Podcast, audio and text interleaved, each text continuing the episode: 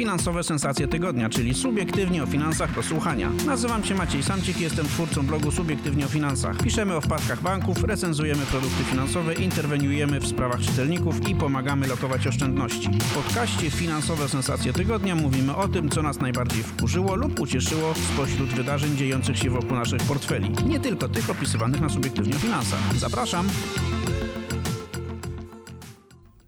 Dzień dobry, dzień dobry. Finansowe sensacje tygodnia. Dzisiaj w trochę innym składzie, to znaczy prowadzący Maciej Danielewicz po raz pierwszy, to jest mój debiut. No i również debiut w naszym podcaście pana Przemysława Gerszmana. Dzień dobry. Dzień dobry, witam państwa.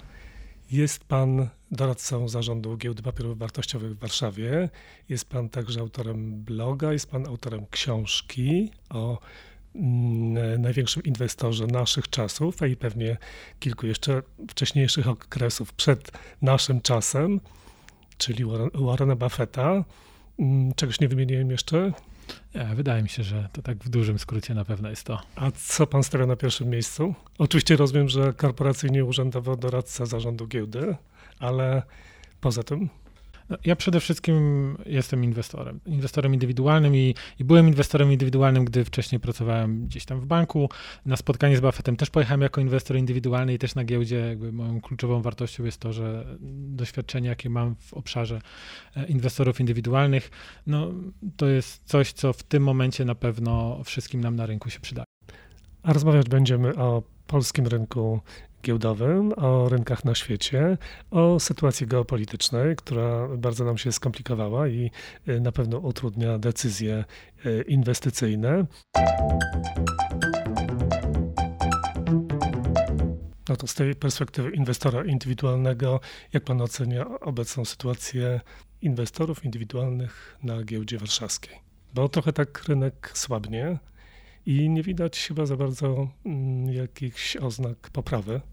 Z perspektywy osoby, która inwestuje e, na naszej giełdzie, w ogóle na różnych giełdach i w różnych klasach aktywów od dobrej dekady, no, na rynku można powiedzieć, że mamy nihil nowi, tak? No bo to, co teraz się dzieje, to są spadki, które polski inwestor zna bardzo dobrze, zwłaszcza polski inwestor. W Stanach e, jest to dla nich szok, że S&P może tracić 15 albo 20%. W Polsce jakby jesteśmy przyzwyczajeni do tego typu spadków. No i oczywiście można by długo rozmawiać o tym, co jest tego przyczyną, bo mamy przyczyny takie strukturalne, charakterystyczne dla Polski, dla naszej naszej sytuacji geopolitycznej, ale mamy też przyczyny takie globalne, wynikające z wpływu sytuacji gdzieś daleko poza granicami Polski na nasz rynek. I jakie są najważniejsze z tych naszych wewnętrznych? Bo globalne to wiemy, bo to jest i inflacja, która szaleje od roku mniej więcej, i wojna, i ceny y, energii, paliw rosną. Coś w Polsce jeszcze dodajemy? Mm, jeśli chodzi o naszą wewnętrzną sytuację, też do tej listy dodałbym na pewno nastawienie inwestorów zagranicznych do naszego rynku kapitałowego, tak? bo inwestorzy zagraniczni pełnią bardzo dużą rolę, jeśli chodzi o, o obroty i napływy, i to na rynku kapitałowym, szeroko patrząc, i generalnie w gospodarce polskiej. No i jednak ta bliskość z Ukrainą, bliskość z Rosją zdecydowanie nam nie pomaga, co też widać, jeśli chodzi o polską walutę i jej brak siły. A jak to wygląda w tej chwili w proporcjach? Jak dużo inwestorów y, zagranicznych się wycofało?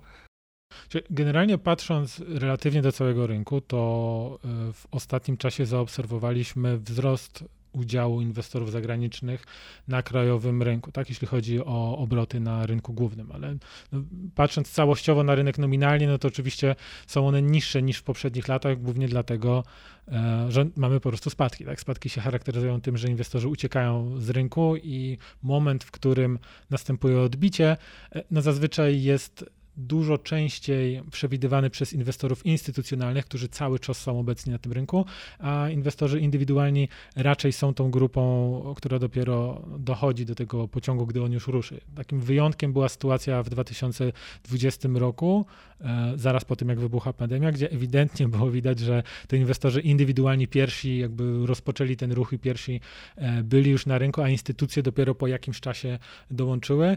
Ja dobrze pamiętam ten moment, e, chyba wszyscy go ciągle dobrze pamiętamy, bo, bo pandemia jest czymś, co będziemy pamiętać przez długi czas, ale na rynku ewidentnie było tak, że wielu specjalistów, w tym ja również, spodziewali się tego, że no, tak szybko nie będziemy mieli odbicia w 2020 roku. Także raczej ta sytuacja potrwa dłużej, podczas gdy no, rynek ekspresowo wystrzelił do góry i też bardzo mocno wzrósł wtedy udział inwestorów indywidualnych ogólnie w obrotach, który nadal utrzymuje się na, na wysokich poziomach.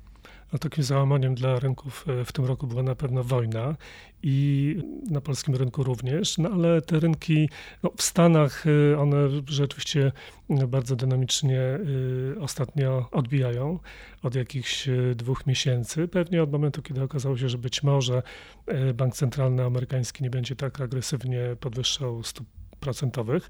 Wtedy oczywiście akcje są, są dobrą tutaj y, lokatą inwestycyjną. Natomiast y, no, w Polsce tego nie widać i to załamanie no, nie przyniosło takiego odbicia, powiedzmy, jakiego można byłoby się spodziewać, bo wojna trwa i ten czynnik jakby został już chyba wliczony we wszystkie ceny, tak? Jakby na razie się nic y, nie dzieje takiego, żeby, żebyśmy byli zaskoczeni. Jakoś pan mm, badał to w regionie, jak to wygląda w giełdach Y, dookoła? Czy tutaj to, to jest podobna sytuacja? Czy... Znaczy, najpierw trzeba zacząć od tego, że Stany Zjednoczone są wybitnie silnym rynkiem. Tak? I mhm. wiele rynków w tej pierwszej połowie tego roku to będzie przegrywać, y, jeśli chodzi o to, y, jakie wyniki przyniósł rynek amerykański, tak jak on się zachowuje, głównie też patrząc od strony waluty. W Stanach mamy trochę takie rozdwojenie jaźni w tym momencie, że z jednej strony rynek boi się jak zawsze książkowo negatywnych informacji, ale z drugiej strony, jeśli pojawiają się negatywne informacje, głównie dotyczące oczywiście inflacji, no to rynek się cieszy, bo zakłada, że może dzięki temu te podwyżki stóp nie będą tak gwałtowne i znowu będziemy mogli liczyć na jakieś luzowanie ilościowe, które przez ostatnie 10 lat napędzało hossę e, między innymi w Stanach Zjednoczonych. Więc porównywanie się do Stanów jest no, szczególnie trudne, zwłaszcza, że Amerykanie też nie mają kompletnie problemu związanego z wojną. Tak? Ja byłem w maju przez ponad tydzień w Stanach i e, wszystkie rozmowy, które miałem z, Amerykanami w temacie wojny na Ukrainie, no to, to nie był temat Ukrainy, to nie był temat Polski, tylko to, to był temat wymiany atomowej pomiędzy Stanami a Rosją. Bo oni ten problem patrzą na niego przez trochę inny pryzmat niż my tutaj patrzymy e, z bardzo bliska w Polsce. Więc Stany z jednej strony są tym silnym rynkiem i, i zdecydowanie są najsilniejszym i, i, i, największym, jeśli chodzi o kapital, kapitalizację światową. Natomiast jeśli porównamy Stany versus e, Unia Europejska i tutaj nasz stały kontynent, no to już też widzimy przewagę na rzecz Stanów. Tak? No, zarówno jeśli chodzi o walutę, która znacznie się umocniła w stosunku do euro, jak i generalnie siłę relatywną e, no, spółek europejskich versus spółki e, amerykańskie. No i tu przechodząc już bezpośrednio do Polski, no Polska na pewno nie można powiedzieć, że jest najsilniejszym krajem w regionie. Jest jednym ze słabszych, głównie moim zdaniem właśnie przez problemy geopolityczne. Tak? Można by tam wymienić jeszcze kilka innych strukturalnych problemów, ale niewątpliwie ta geopolityka moim zdaniem jest takim najsilniejszym wiatrem, który dostajemy w twarz. Czyli jakbyśmy tak uporządkowali to, Stany są gdzieś na szczycie tej piramidy tak, inwestycyjnej, rynki europejskie są y, obecnie dużo słabsze. Mhm. Rynki azjatyckie chyba silniejsze, mimo że teraz tam gdzieś w okolicach Tajwanu konflikt się tli, ale na razie jeszcze, jeszcze mm, nie, nie rozwinął się on zbyt y, mocno, ale na przykład giełdy w Japonii jakoś tam mm, dobrze, dobrze sobie radzą. Natomiast y, jeszcze wśród tych europejskich słabych y, nasz region pewnie słabszy, a Polska dodatkowo, tak? Mm, czy na przykład potencjalne zakończenie y, tego, tego cyklu podwyżek stóp procentowych w Polsce jakoś tutaj by pomogło? Czy, czy tutaj w obliczu tego ryzyka geopolitycznego, no to właściwie nie ma znaczenia, czy bank centralny skończy z podwyżkami i czy, czy to już będzie taki sygnał dla inwestorów? Na pewno ma to duży wpływ, jeśli chodzi o krajowych inwestorów i generalnie o modele wyceny e, polskich spółek na polskiej giełdzie. Natomiast w takim ujęciu e, globalnej wioski kapitalistycznej, w jakiej no, tutaj funkcjonujemy, to wydaje mi się, że ma to mniejsze znaczenie. A pan w jakie, w jakie aktywa e, w Polsce wolałby inwestować te dostępne inwestorom indywidualnym? Wybrał pan, wybrał pan akcje, czy, czy jednak jakieś jakieś inne, alternatywne? Znaczy, jeśli chodzi o konkretnie akcje, no to zdecydowanie w Polsce możemy znaleźć dużo tanich papierów, tylko tu jest taka mała gwiazdka, że możemy znaleźć tanie spółki w Polsce od długiego czasu. Także Polska generalnie jest tanim rynkiem, jeśli nie chwilami jednym z najtańszych w naszym koszyku i w grupie porównawczej. E, więc stąd moja strategia by była taka, aby generalnie szukać spółek, które przy okazji będą nam wypłacać po prostu dywidendę, tak? Żebyśmy nie e, czekając aż ta spółka urośnie i zyska te naście, 10 czy set procent, abyśmy mieli też e, jakiś przychód. Więc jakby na ten moment, jeśli miałbym powiedzieć, jakich akcji szukałbym na rynku polskim, no to zdecydowanie akcji, które wypłacają nam jakieś kupony. Natomiast jeśli chodzi o akcje spółek wzrostowych, no to oczywiście na polskiej giełdzie przybywa takich spółek, które e, no, mają duży potencjał do wzrostu. Wynika to głównie w mojej prywatnej ocenie oczywiście z tego, że to są spółki, które mm, sprzedają swoje produkty nie tylko na terenie Polski. Tak? Czyli patrząc na to, co Stanom dało zwycięstwo, jeśli chodzi o rynek e, kapitalistyczny, no to generalnie eksport ich własnych produktów, głównie produktów e, związanych z informatyką i technologiami. Tak? Więc te same spółki w Polsce, które mogą nagle zarabiać na całym świecie, tak w poprzedniej hostie no, mm, takim kluczowym e, sektorem był właśnie segment game devowy, czyli firmy, które sprzedają swoje produkty na całym świecie, no to zdecydowanie jest to przewaga naszego rynku i, i w tym kierunku na pewno nasz rynek będzie się częściowo rozwijać. Co jeszcze można dorzucić do, e, do tego gamingu? Jeśli chodzi o spółki Jeśli chodzi o tak? spółki, tak. Czyli ja generalnie przyjąłbym taki wspólny mianownik, że e, są to spółki, które generują przychody na całym świecie, a nie tylko ograniczają się do naszego rynku. Tak? No bo wtedy w sytuacji, w której w naszym regionie albo w naszym rynku e, jest jakaś recesja, zatrzymanie, spowolnienie, no to jakby ta spółka jest bardziej taka antykrucha na tego typu e, czynniki szokowe. I w tej chwili mamy już taki punkt e, jakby e, tak dużego osłabienia rynku, że można by się spodziewać e, jednak wzrostów, czy jednak zaczynamy inwestycje i jesteśmy przygotowani jednak cały czas na spadki. Moim zdaniem jesteśmy w fazie akumulacji, czyli fazie, w której wszyscy ci, którzy nadal mają nadwyżkę kapitału i, i, nie wydali go jeszcze na, e, na różnego rodzaju inwestycje, no to zbierają tanie akcje i te najbardziej wartościowe z rynku, tak? No bo mieliśmy dużo okazji w różnych segmentach do zrobienia tanich zakupów, być może jeszcze będziemy mieli ich więcej, ale zdecydowanie jest to moment, w którym raczej buduje się portfel, dokładając do niego nowe aktywa, niż realizuje zyski. A kiedy nadejdą wzrosty, to już bardzo trudno jest mi to przewidywać. Niemniej wydaje mi się, że w dużej mierze zależy to od czynników, e, na które mamy minimalny wpływ, czyli właśnie od sytuacji geopolitycznej i ogólnoświatowej. W niektórych krajach e, zachodnich, e, ze względu na takie mocne osłabienie na przykład spółek energetycznych, paliwowych, proponuje się nacjonalizację tych spółek, wycofanie z giełdy, po to, żeby oczyścić atmosferę, spłacić długi i rozpocząć jakiś proces inwestycyjny. No, polska giełda jest y, jednak, jednak taką giełdą, gdzie ten sektor spółek Skarbu Państwa i właśnie tych wielkich spółek, które stanowią jakby przedłużenie dawnych monopolii, mm, jest, jest, jest, to, jest to duży, duż, duża część rynku. Myśli pan, że, że tutaj w Polsce można by coś takiego zrobić? Żeby oczyścić atmosferę trochę na rynku, czy, czy jest to trudne zadanie? Na pewno jest to trudne zadanie, to, to na wstępie. Czy, to, czy jego wykonanie coś by dało? Wydaje mi się, że nie. No, jeśli już weszliśmy w ten e, wolny rynek kapitalistyczny i spółki Skarbu Państwa z udziałem Skarbu Państwa są na rynku akcyjnym, no to wydaje mi się, że obie strony powinny e, no, zdawać sobie z tego sprawę, jak to wygląda. Tak? Z jednej strony kluczowy właściciel tych spółek e, powinien nadal grać w tą grę na warunkach rynkowych, a nie z perspektywy monopolisty, a z drugiej strony inwestorzy też powinni zdawać sobie sprawę, że jednak ten e, większościowy udziałowiec jest w tej spółce i ma decydujące prawo głosu, bo przecież nie jest to żadnym zaskoczeniem dla nikogo. Inwestorów indywidualnych w tej chwili jest e, e, trochę więcej, przybywa? Czy rozumiem, że cały czas inwestorzy indywidualni są mocno obecni na rynku równoległym New Connect, a na rynku głównym?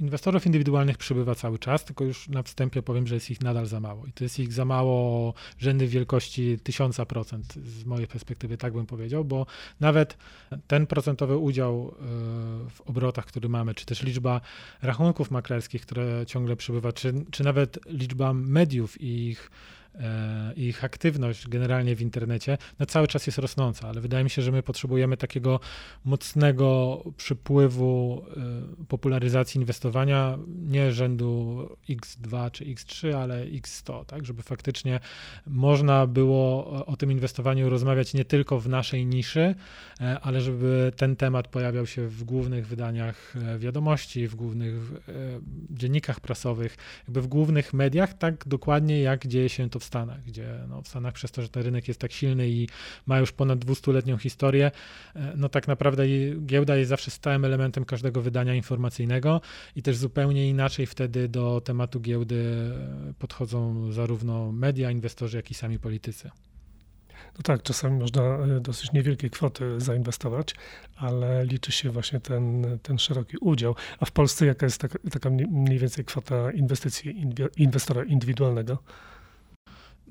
to wszystko zależy od roku, tak? bo akurat dane za minione lata mamy dość mocno zaburzone, dlatego że inwestorzy od 2020 roku raz, że bardzo dużo zarobili, a dwa, że bardzo dużo pieniędzy przelali na giełdę, tak? bo, bo są różne szacunki pokazujące, jak wiele inwestorzy e, dali radę e, zarobić na rynku w okresie tych największych wzrostów, więc ja nie skupiałbym się na tych danych z minionych dwóch lat, tylko e, raczej starałbym się spojrzeć na to, szerzej, czyli jak wielu Polaków w ogóle ma rachunek maklerski, jak wielu Polaków w ogóle ma akcje, niekoniecznie przez bezpośredni rachunek maklerski, ale też przez jakieś programy emerytalne czy, e, czy pracownicze, dlatego że no, my jesteśmy nadal w tym początkowym etapie rozwoju naszego rynku kapitałowego, gdzie mm, no, w akcje inwestują tak naprawdę pojedyncze osoby, fakt, że już liczone w setkach tysięcy, ale no nadal w skali 38-milionowego kraju, no to, to to jest zero przecinek i dopiero gdzieś tam ta liczba się pojawia, tak, jeśli chodzi o udział procentowy. Czy jakieś takie formy y, y, systematyczne, na przykład PPK pomogą? Mi się wydaje, że zdecydowanie tak. Jakby diabeł tkwi oczywiście w szczegółach, ale znowu odnosząc się do amerykańskiego rynku e, kapitałowego, no to tam programy pracownicze, w których e, ktoś, kto kompletnie nie zna się na giełdzie, ale mimo to jest w stanie korzystać z jej wzrostów przez lata, pracując, nie wiem, w fabryce, w sklepie, czy w, jakim, w jakiejkolwiek innej branży, która raz, że niekoniecznie jest związana z giełdą, a dwa, że niekoniecznie przynosi jakieś duże, e, ponadprzeciętne zarobki, no, no był zdecydowanie kluczowy dla rozwoju tamtego rynku. Więc wszystkie formy takiego dodatkowego wsparcia rynku kapitałowego poprzez takie pasywne E, inwestowanie, jak choćby PPK, no są zdecydowanie, e, zdecydowanie wskazane dla e, rozwoju rynku. Mm, a jeśli chodzi o ETF-y, jakie, jakie tutaj są możliwe opcje? Ile na przykład musimy mieć środków, żeby zainwestować? Jak się w ogóle do tego zabrać? Tutaj zdecydowanie patrzymy na rewolucję i to rewolucję w skali polskiej, jak i w skali światowej, bo jeśli spojrzymy sobie na to, co się działo jeszcze 10 czy 20 lat temu, no to choćbyśmy bardzo, bardzo chcieli, to generalnie inwestowanie było dużo trudniejsze, dużo mniej intuicyjne i wymagające większego kapitału niż to jest choćby dzisiaj. Tak? No, ja, ja pamiętam pracując y, ponad 10 lat temu, w jednym z biur maklerskich w Polsce, no to, to nie było powszechne, że przeciętny Kowalski mógł przyjść, otworzyć sobie rachunek, zrobić transakcję na telefonie i zainwestować tysiąc złotych czy, czy jakieś kwoty tego typu rzędu. Tak? E, no, raczej byli to duzi gracze, którzy mieli swoich maklerów, którzy mieli swoje stawki prowizyjne i którzy oczekiwali, że dom maklerski e, przygotuje dla nich jakiś raport albo jakieś spotkanie zrobi. Teraz mamy postępującą demokratyzację, e, jeśli chodzi o rynek inwestycyjny. I dosłownie tym telefonem, który mam w kieszeni, jestem w stanie otworzyć sobie rachunek w kilkanaście minut i kupić niemal dowolne aktywa za kwoty rzędu 100 dolarów czy, czy tam 500 złotych, tak? Więc na pewno teraz jest dużo łatwiej zacząć inwestować, na pewno te progi są dużo niższe, na pewno jest dużo lepszy dostęp do informacji dzięki rozwojowi mediów związanych z, z szeroko pojętą giełdą, rynkiem kapitałowym, ale niestety to, co się nie zmieniło, to to, że na rynku nadal trudno się zarabia. Tak? To, że jest nam, mamy łatwiejszy dostęp, to wcale nie znaczy, że e, więcej ludzi teraz e, po prostu się bogaci, bo człowiek jest człowiekiem i te same błędy, które popełniał początkujący w latach 80. i 90., no często popełnia również e, ktoś, kto zaczyna w 2022 roku inwestować, a co gorsza, no kiedyś, jeśli chcieliśmy zawrzeć jakąś transakcję, to musieliśmy albo usiąść się, zalogować do komputera, co chwilę zajmowało, albo połączyć się z maklerem i, i mu predyktować, co, co chcemy zrobić. A teraz możemy to zrobić w kilka sekund, wyciągając dosłownie telefon z kieszeni na czerwonym świetle, stojąc w korku i coś kupić. Tak więc ta impulsywność nigdy nie była czymś, e, co pomagało w generowaniu wyższych zysków z giełdy, i wydaje mi się, że teraz może być takim największym, e, no, tym negatywnym czynnikiem tego, że mamy wszędzie dostęp do giełdy. Czyli e, raczej nie nastawiać się na krótkoterminowe mm, zyski, Y, na giełdzie, tak, y, długoterminowe i inflacja ponad 15%, to nie jest coś, co można na giełdzie też szybko y, sobie odbić. Tak, no, jeśli chodzi o inwestowanie na giełdzie, to jak powtarza Buffett już od wielu, wielu lat, najlepszym sposobem na to, aby dać sobie większe szanse na zarobienie na giełdzie, to po prostu dać sobie więcej czasu. Jakby w dłuższym terminie dużo łatwiej jest zarobić pieniądze na giełdzie, niż oczekując tego, że transakcję, którą zrobiliśmy 3 minuty temu, już za 10 minut będziemy mogli zamknąć z zyskiem rzędu kilku procent. Także jakby ten czas jest, jest bardzo ważny i jest o tyle ważny, że liczy się nasz czas na rynku, a nie próba wstrzelenia się idealnie w dołek albo w szczyt, bo no, rzadko kiedy to się udaje. Tak naprawdę udaje się to tylko w sytuacjach, w których no, mówiąc wprost, mamy szczęście, tak? że większość e, stóp zwrotu, które wygenerował Buffett, one wynikały z tego, że on przez długi czas był w rynku i przez długi czas dobierał e, odpowiednie akcje do swojego portfela, które na bieżąco płaciły mu dywidendy, bo on jest takim inwestorem mocno cashflowowym i które reinwestował w te same bądź inne spółki. To nie jest tak, że on idealnie trafiał w jakiś dołek i potem idealnie na szczycie, tuż przed krachem uciekał z rynku. Nie, on zazwyczaj podczas krachu siedział i, niewiele robił, albo wręcz tak to było w 2000 2008-2009 roku dopłacał i to dopłacał za, za duże kwoty. Buffett raczej lubił takie tradycyjne inwestycje, tak? W akcje e, głównie, e, a jakaś alternatywa dla tego rynku akcji? E, Wydaje mi się, że rynek akcji w najbliższych latach będzie miał przed sobą tą taką najsilniejszą konkurencję chyba w tych wszystkich swoich dziejach. No bo z jednej strony y, mamy mocny rozwój instrumentów y, pasywnych, ETF-ów i, i instrumentów, dzięki którym jedną transakcją jesteśmy w stanie kupić cały koszyk dziesiątek, jak nie setek, jak nawet tysięcy akcji, więc to już nam schodzi na, na drugi plan, ten tradycyjny stock picking, a znowu od drugiej strony mamy też wszelkiego rodzaju programy związane z automatyzacją, czyli to, że możemy sobie ustawić stałe zlecenie, że w naszym rachunku co miesiąc albo co tydzień za określoną z góry kwotę e, będzie nabywany dany instrument pasywny, ale też mamy e, kolejną konkurencję ze strony wszelkiego rodzaju kryptoaktywów, czyli jakby nowych form e, dystrybucji e, wartości, jaką niesie ze sobą czy to samo przedsiębiorstwo, czy czy jakiś produkt albo, albo dzieło sztuki, no bo tutaj mamy e, jakby szeroki obszar do wyboru.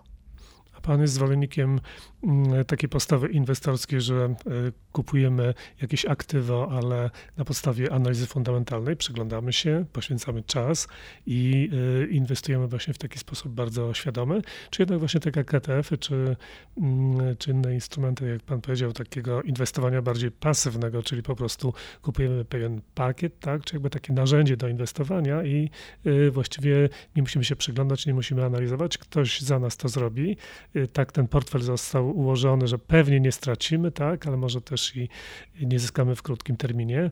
Y, no to są jakieś dwie strategie. Pytanie, pytanie jaka by była bardziej opłacalna, nawet w tym długim terminie, jeśli w krótkim się nie da, bo wiadomo, że to jest kwestia szczęścia, no ale w długim można już mówić o, o takim prawdziwym inwestowaniu. Kupujemy te ETF-y, tak, odkładamy y, na bok i, i czekamy, dopiero się interesujemy za rok, dwa, trzy lata.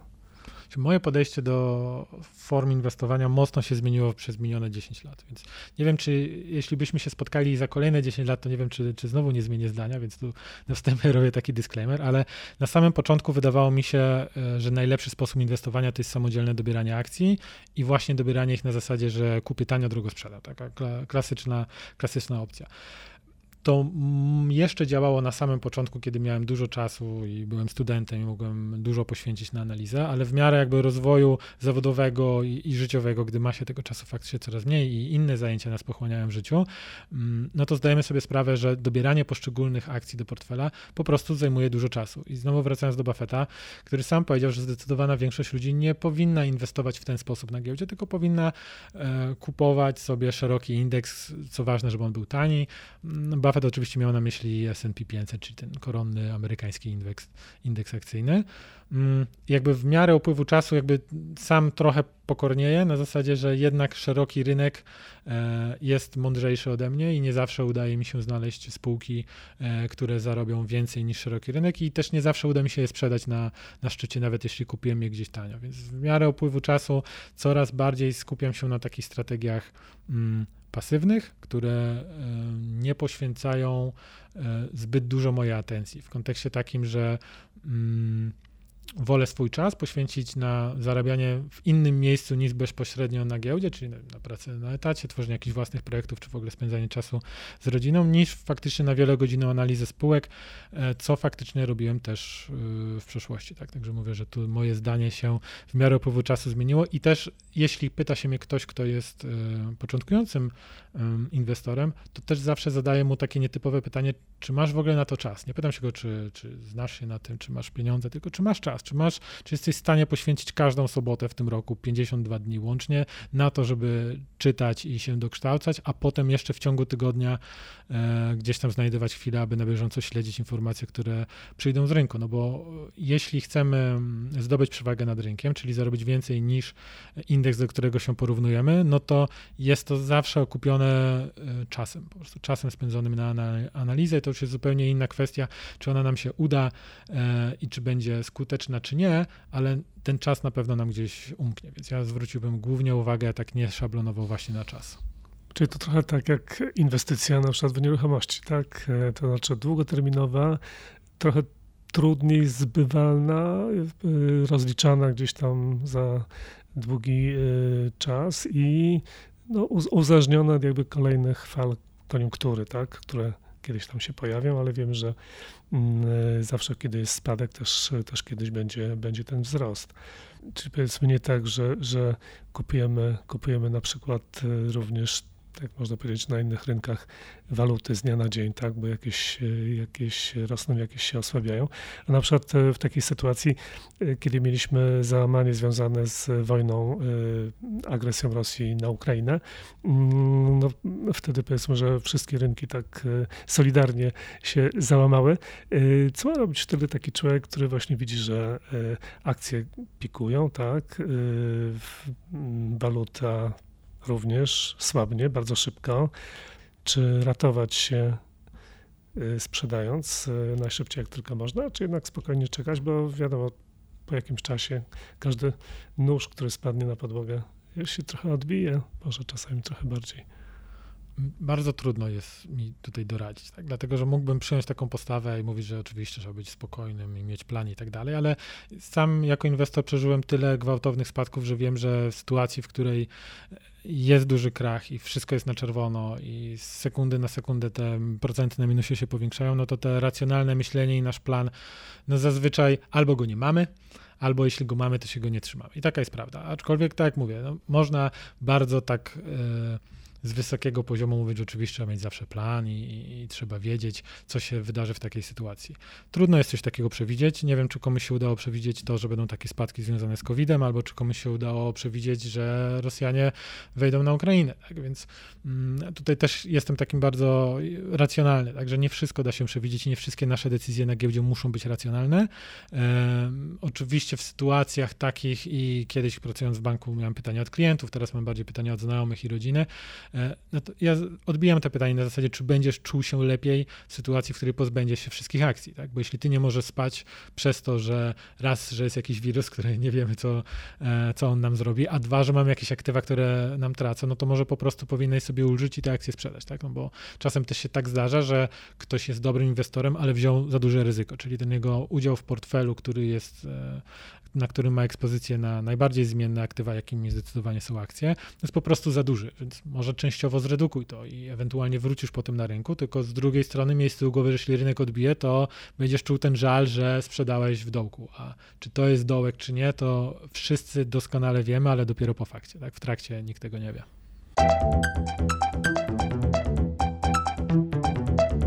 Sporo takich porad inwestycyjnych polega na tym, żeby jednak wyjść z pieniędzmi poza Polskę. Prawda? Bo tam są, tam są jakieś inne szanse, może, może inne sektory. Stany Zjednoczone na przykład trochę mniej uzależnione od importu paliw, energii i tak dalej, samowystarczalne, ale też i, i w zupełnie innej sytuacji geopolitycznej. No, dla polskiego rynku to może nie jest zbyt y, dobra sytuacja bo to trochę wyprowadza jakby takie aktywności in, inwestorów y, na zewnątrz. Tak, ale z drugiej strony, mając tu głowy e, dobro polskiego inwestora, ja też bym się pod tym podpisał. Także portfel należy dywersyfikować.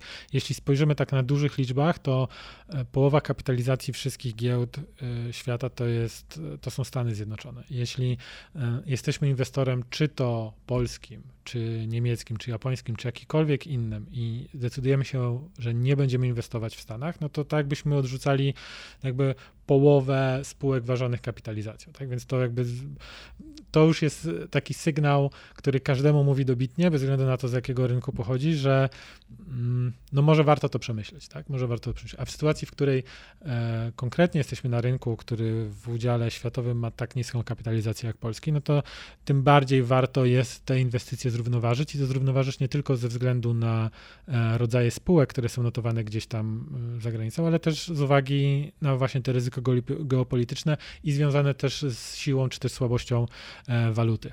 Spójrzmy też na to od takiej bardzo realnej strony, że no nam trudno będzie zbliżyć się do takich wyników, jakie są w Stanach, bo Stany działają nieprzerwanie od ponad 200 lat, a my nieprzerwanie działamy od 30 lat gdzie, gdzie jakby gospodarka amerykańska miała te ponad 200 lat, kiedy mogła się e, rozwijać, a nasza gospodarka, no wszyscy pamiętamy, jak się rozwijała zaraz po wojnie, tak? Więc potrzeba czasu i potrzeba bardzo dobrych firm, w które moglibyśmy zainwestować i o ile zakładamy, że to się nie wydarzy za naszego życia, no to na pewno część portfela możemy e, ulokować w te firmy, e, które znamy, z których korzystamy i bardzo często są to firmy amerykańskie. Czyli, czyli polski inwestor powinien dywersyfikować. To jest dla niego na pewno dobra sytuacja. A co zrobić, żeby w takim razie mm, inwestor z innych krajów y, pomyślał o tym, że ta dywersyfikacja dla niego byłaby dobra, w, y, bo właśnie rynek polski jest ciekawy. Tak, ja to jest bardzo dobre pytanie. To jest dobre pytanie, to jest pytanie tak naprawdę y, na którego odpowiedź musimy my wszyscy pracować. W sensie nie tylko giełda, ale sami inwestorzy i przede wszystkim spółki, no bo to spółki w pierwszej kolejności potrzebują kapitału e, i, i po niego wychodzą. Więc wydaje mi się, że o ile nasz rynek jako rynek całościowo patrząc, jako gospodarka Polski, będzie się umacniał i przy okazji będziemy mieli te spółki, które będą atrakcyjne dla inwestorów i będą z tych branż, które inwestorzy zagraniczni postrzegają za, za atrakcyjne, szczególnie w polskim wykonaniu, no to na pewno będzie to przyciągało kapitał. No tu idealnym przykładem e, była ta branża e, gamingowa, która przyciągała kapitał z całego świata. Tak? No ta hossa, która była wywołana um, kilka lat temu u nas na rynku i która dosyć długo trwała, no była spowodowana napływem kapitału między innymi zagranicznego, jeśli nie w dużej mierze zagranicznego. I to idealnie pokazuje, że jeśli jakby kilka czynników pozytywnych się ze sobą spotka, czyli w miarę jakby dobre czasy, jeśli chodzi o, o sytuację geopolityczną, zdecydowanie lepsze niż obecnie, e, plus jakby dobra sytuacja w kraju ogólnie, jeśli chodzi o jakby takie mierzenie głównymi e, miernikami gospodarki jak PKB i tak dalej, plus specjalna branża, która przez Polaków jest robiona w sposób, można powiedzieć, w skali świata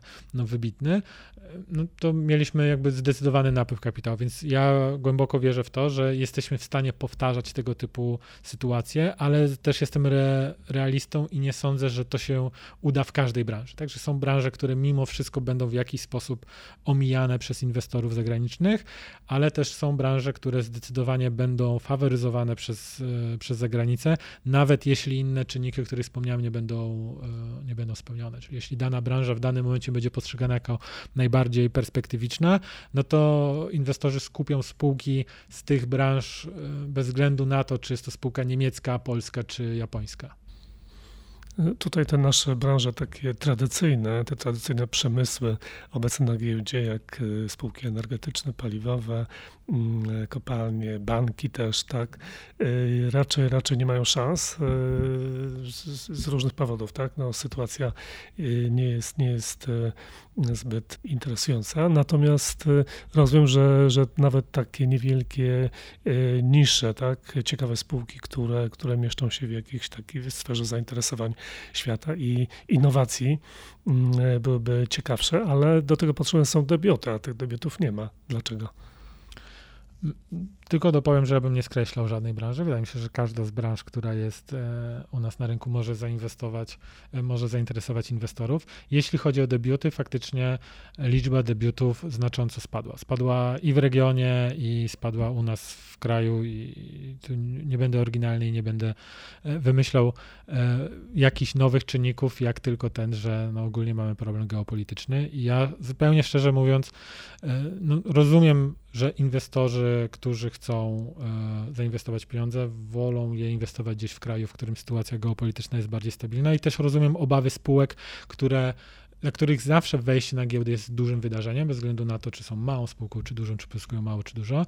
I też wolą wstrzymać się z taką decyzją, bo proszę zwrócić uwagę na to, że to nie jest tak, że polski rynek jakoś bardzo mocno odstaje, jeśli chodzi o, o rynek IPO. Faktycznie jest e, tych debiutów dużo mniej u nas na rynku, niż to miało miejsce w poprzednich latach, ale generalnie cały ten rynek e, no jest w takim trendzie, można powiedzieć, spadkowym, jeśli chodzi o, o ostatni, no na pewno ten rok, dotychczas. Z tyłu głowy też trzeba mieć to, że model, w którym e, firma pozyskuje kapitał albo idąc do banku, albo idąc na giełdę, jest takim modelem, który jest modelem starym, mówiąc e, jakby wprost i, i pojawia się dużo więcej modeli, które, które może są tańsze, może są bardziej efektywne i które też zyskują popularność odbierając jakby rynek giełdą. A możemy spodziewać się jakichś debiutów jeszcze, jeszcze w najbliższym czasie, bo były zapowiedzi, spółki się wycofywały, tak? W tym roku słabo to wygląda, coś. No, my się spodziewamy debiutów cały czas, ale to jest bardziej pytanie bezpośrednio do, do spółek, tak? No bo jakby giełda jest cały czas otwarta i w każdej chwili e, zapraszamy spółki krajowe i zagraniczne, niemniej. No właśnie, był czas, był czas e, też e, spółek zagranicznych wejścia na warszawską giełdę. To też, e, też jakoś ostatnio nie, nie miało miejsca. Czyli, czyli ta atrakcyjność nie jakoś, jakoś wyraźnie czeka jeszcze na swoje lepsze czasy, tak? Tak, tylko to jest, tu czynników jest kilka. To nie jest tak, że polska giełda stała się słabsza i dlatego spółki nie wchodzą, no bo gdyby tak było, to by weszły na inną giełdę gdzieś poza granicami Polski. Więc z jednej strony mamy sytuację w Polsce, jaką mamy, po drugiej stronie mamy dużą niepewność, jeśli chodzi o biznes, tak, co widać też e, w jakichś danych dotyczących sentymentu e, menadżerów i dyrektorów e, w PMI-ach, w IPO i tak dalej. Więc zdecydowanie ja to pytanie bym odbił w kierunku spółek. Jakieś nowe plany giełda ma, e, jeśli chodzi o rynki zagraniczne? Tam ostatnio giełda w Armenii e, stała nam się bliższa. Coś, coś jeszcze? Generalnie nasze plany, jeśli chodzi o tutaj nasz region i, i rozwój, są e, o tyle znane, że no my chcemy być tym liderem e, nie tylko tutaj w naszym, w naszym bardzo bliskim regionie, ale generalnie w tym regionie, patrząc od północy na e, południe Europy, ale szczegóły wolałbym zostawić tak naprawdę na przyszły rok, czyli wtedy, kiedy pojawi się strategia GPW na kolejne lata. Tam na pewno będzie więcej w tym temacie napisane. No dobrze, to w takim razie czekamy, czekamy na lepszą koniunkturę. Sytuacja geopolityczna chyba na razie y, no, na tyle się ustabilizowała, że trudno oczekiwać e, zmian, więc, więc raczej y, trzeba myśleć o tych zmianach w bardzo długiej perspektywie. Na pewno zakończenia tej wojny, jakoś tam określenia się y, właśnie tych głównych sił geopolitycznych na świecie. Jeśli tutaj będzie jakiś obszar stabilności, to, to na pewno nam pomoże.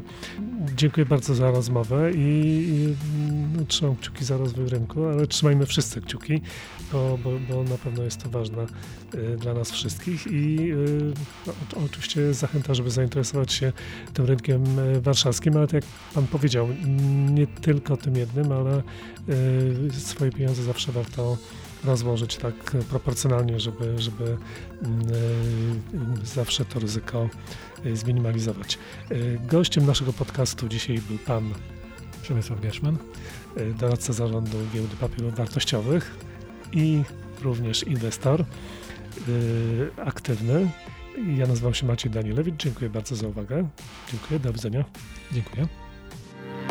Inne odcinki tego podcastu znajdziesz na stronie Subiektywnie o Finansach www.subiektywnieofinansach.pl. Zapraszam!